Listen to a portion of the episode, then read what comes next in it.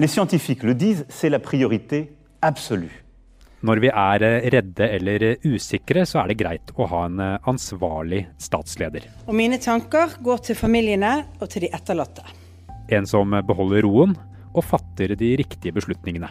Og vi sørger for at i ganz Deutschland im Grundsatz de gleichen Regeln gelten. Eller holder det å bare ha en leder, samme hvor god eller dårlig jobb de gjør? Look, it may work and it may not work. I feel good about it. That's all it is, just a feeling. I, you know, I'm a smart guy. Dette er Forklart fra Aftenposten. Jeg heter Andreas Bakke Foss. I dag er det fredag 3. april.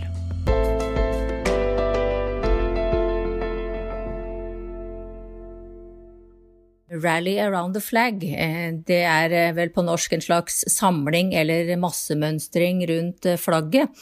Det er et fenomen som viser at sittende makthavere får økt støtte i krisetider. Det ble først lansert som et fenomen i USA, og da ble det brukt om, som en forklaring på en økt kortvarig popularitet om amerikanske presidenter i krigs- og krisetider. Politisk journalist i Aftenposten Solveig Ruud har sett nærmere på denne effekten. Vi har eh, to forholdsvis ferske eksempler som viser denne effekten i Norge. Den ene er fra 2008 eh, og 2009. Altså vi fikk en finanskrise i, som startet i USA i september 2008. Hvis vi ser på oppslutningen til Arbeiderpartiet da før og etter september 2008, så ser vi tydelig Eh, et tydelig utslag der Arbeiderpartiet får økt fremgang, og Jens Stoltenberg ble gjenvalgt i 2009. Eh, vi kan også ta det som skjedde etter terrorangrepet 22.07. Eh, i 2011. Da var det kommunevalg syv uker etterpå, og ved det valget så fikk Arbeiderpartiet en ganske bra fremgang. Så kan det selvfølgelig være flere forklaringer her. Da vi hadde terrorangrepet, så var jo det et direkte angrep på Arbeiderpartiet, og det kan nok også ha spilt en viss rolle. Hvorfor er det sånn at vi ofte samler oss om eh, sittende politisk ledelse i krise? Eh, en av forklaringene skyldes nok at eh, f.eks. statsministeren er i mediene og snakker eh, eller lar seg intervjue nesten hver dag om krisen. Og det, det har nok en effekt. Statsministeren blir jo veldig synlig. Og så kan det også skyldes at krisene, som da som regel er veldig store, de overskygger alle andre saker. Da blir det mindre rom for andre partier, og kanskje mindre rom for kritikk av regjeringen. Ser man denne effekten uansett hva slags politisk eh, ledelse et land eh, har? Nei, dette er ikke noen eh, naturlov. Og hvis makthaverne gjør noe dumt, altså f.eks. sier noe folk ikke liker, eller utfører handlinger som folk ikke setter pris på, så kan jo utfallet bli annerledes. Vi har et eksempel på det fra Spania i 2004. Da skjedde det et terrorangrep tre dager før valget. Eh, dette var et eh, veldig stort eh, angrep, et av de største i Europa. Det rammet pendler, mange pendlertog i rushtiden og forårsaket høye dødsfall og veldig mange skadde. Den sittende statsministeren, José Maria Aznar, han gikk da ut og skyldte på baskernes separatistbevegelse, ETA. Så viste det seg etter hvert at det var mye som tydet på at Al Qaida sto bak. Og da ble han beskyldt for å forsøke å fortie alle sporene som pekte i retning av eh, Al Qaida. Eh, og beskyldningene gikk ut på at han gjorde det for å få en kortvarig politisk gevinst. Eh, det som da skjedde, var at velgerne straffet den sittende statsministeren på valgdagen, mens sosialistene fikk en solid fremgang og overtok makten. Vi er straks tilbake. Ingen kriser er like. Det er det som gjør det så vanskelig å forberede seg på den neste krisen som kommer. Og det er også det som gjør det vanskelig å se kriser under ett. De krisene som eh, kan påvirke tilliten til politikerne positivt, er nok først og fremst f.eks. Eh, naturkatastrofer og terrorangrep. Altså kriser som man ikke kan eh, bebreide myndighetene for, og som fort samler befolkningen Og hvis myndighetene da håndterer den type kriser godt, så kan de få en positiv effekt av dem. Og hvilke er det som påvirker tilliten negativt da? Eh, det kan f.eks. være finanskriser. Eh, som nevnt så gikk Arbeiderpartiet her styrket ut av finanskrisen eh, i 2008-2009. Men det var mange såkalte styringspartier i Europa som ble svekket under den krisen. Og det kan nok skyldes at folk da anklaget disse styringspartiene eh, for eh, å være, ha et slags medansvar for at eh, alt gikk så galt. Og så kom det en del partier med forslag til raske løsninger på krisen, og det var mange populistiske partier som gikk styrket ut av finanskrisen. Denne rally around the flag-effekten, Solveig, hvor lenge varer den? Det er en kortvarig effekt, en effekt altså som merkes her og nå, og umiddelbart etter krisen. Og f.eks. i Norge, da, hvis denne koronakrisen eh, følges av en langvarig økonomisk krise, så vil jo Høyres oppslutning mer kanskje bli påvirket av regjeringens håndtering av f.eks. en økende ledighet. I've developed mild symptoms of the coronavirus, that's to say. Nå, mens koronaviruset sprer seg over hele verden, opplever ledere i flere land et eh, oppsving. A temperature and a, a persistent cough. Britenes statsminister Boris Johnson har bare blitt mer populær. Positive, so. Det samme har USAs president Donald Trump. Frankrikes president Emmanuel Macron. Les scientifiques le disent, c'est la priorité absolue. Og også her i Norge ser vi denne trenden. Høyre hadde en ganske langsiktig trend som var nedover. Den har vart helt siden uh, egentlig 2018. Eh, Han du hører her, er eh, Aftenpostens nye politiske redaktør, Kjetil Alstaheim. Og så nå i mars og overgangen til april så ser vi at partiet gjør et byks oppover. Er det andre partier som nå kan nyte den eh, samme positive effekten? Den er, eh, den er størst for, eh, for, Høyre.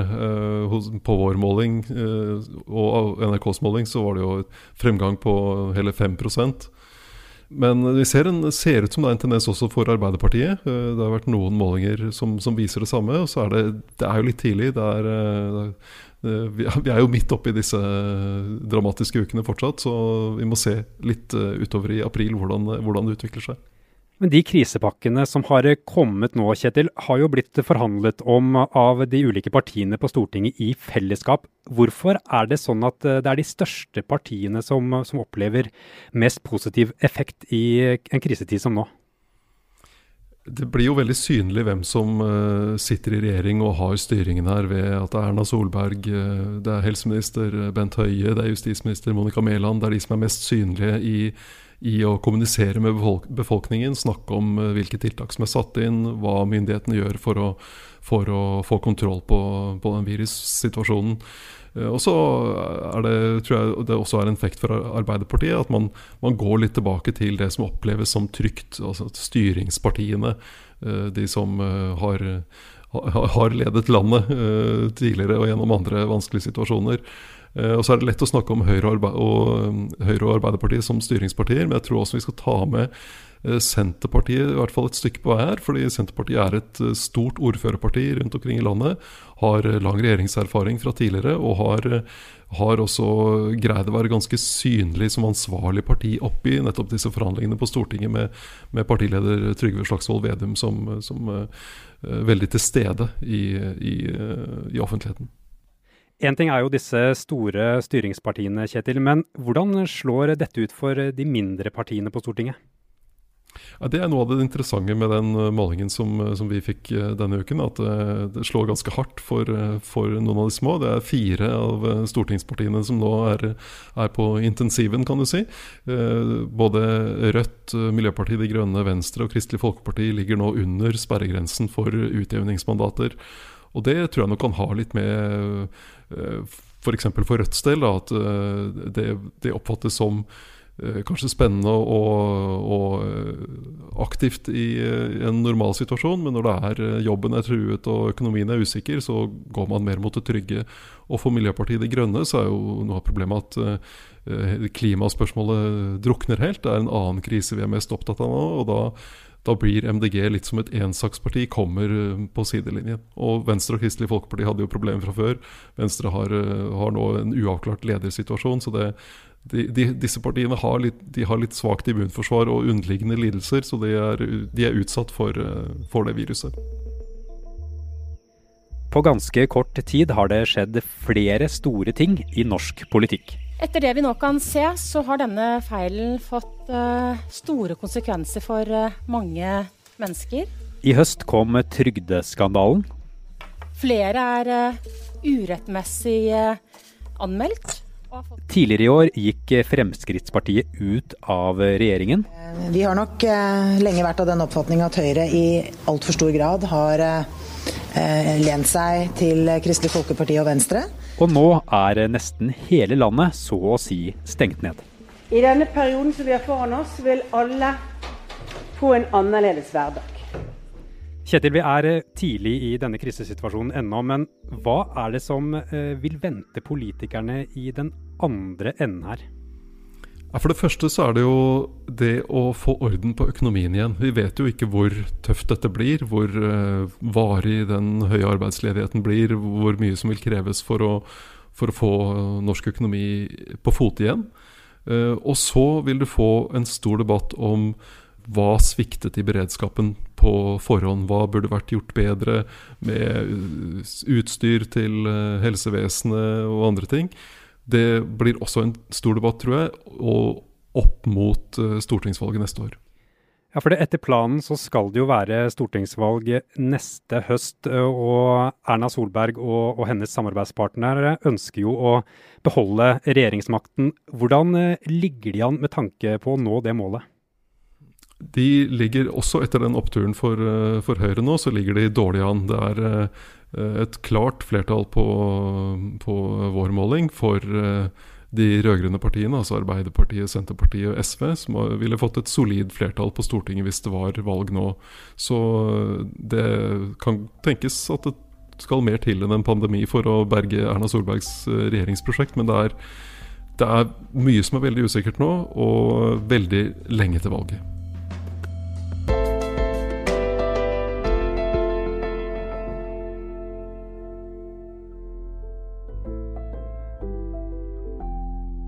Forklart lages av Caroline Fossland, Anne Lindholm, Fride Næss Nonstad, Kristoffer Rønneberg og meg, Andreas Bakke Foss.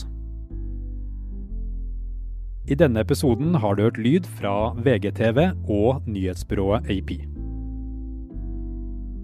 Har du tilbakemeldinger eller spørsmål, da er det lettest å nå oss på Facebook-siden Forklart.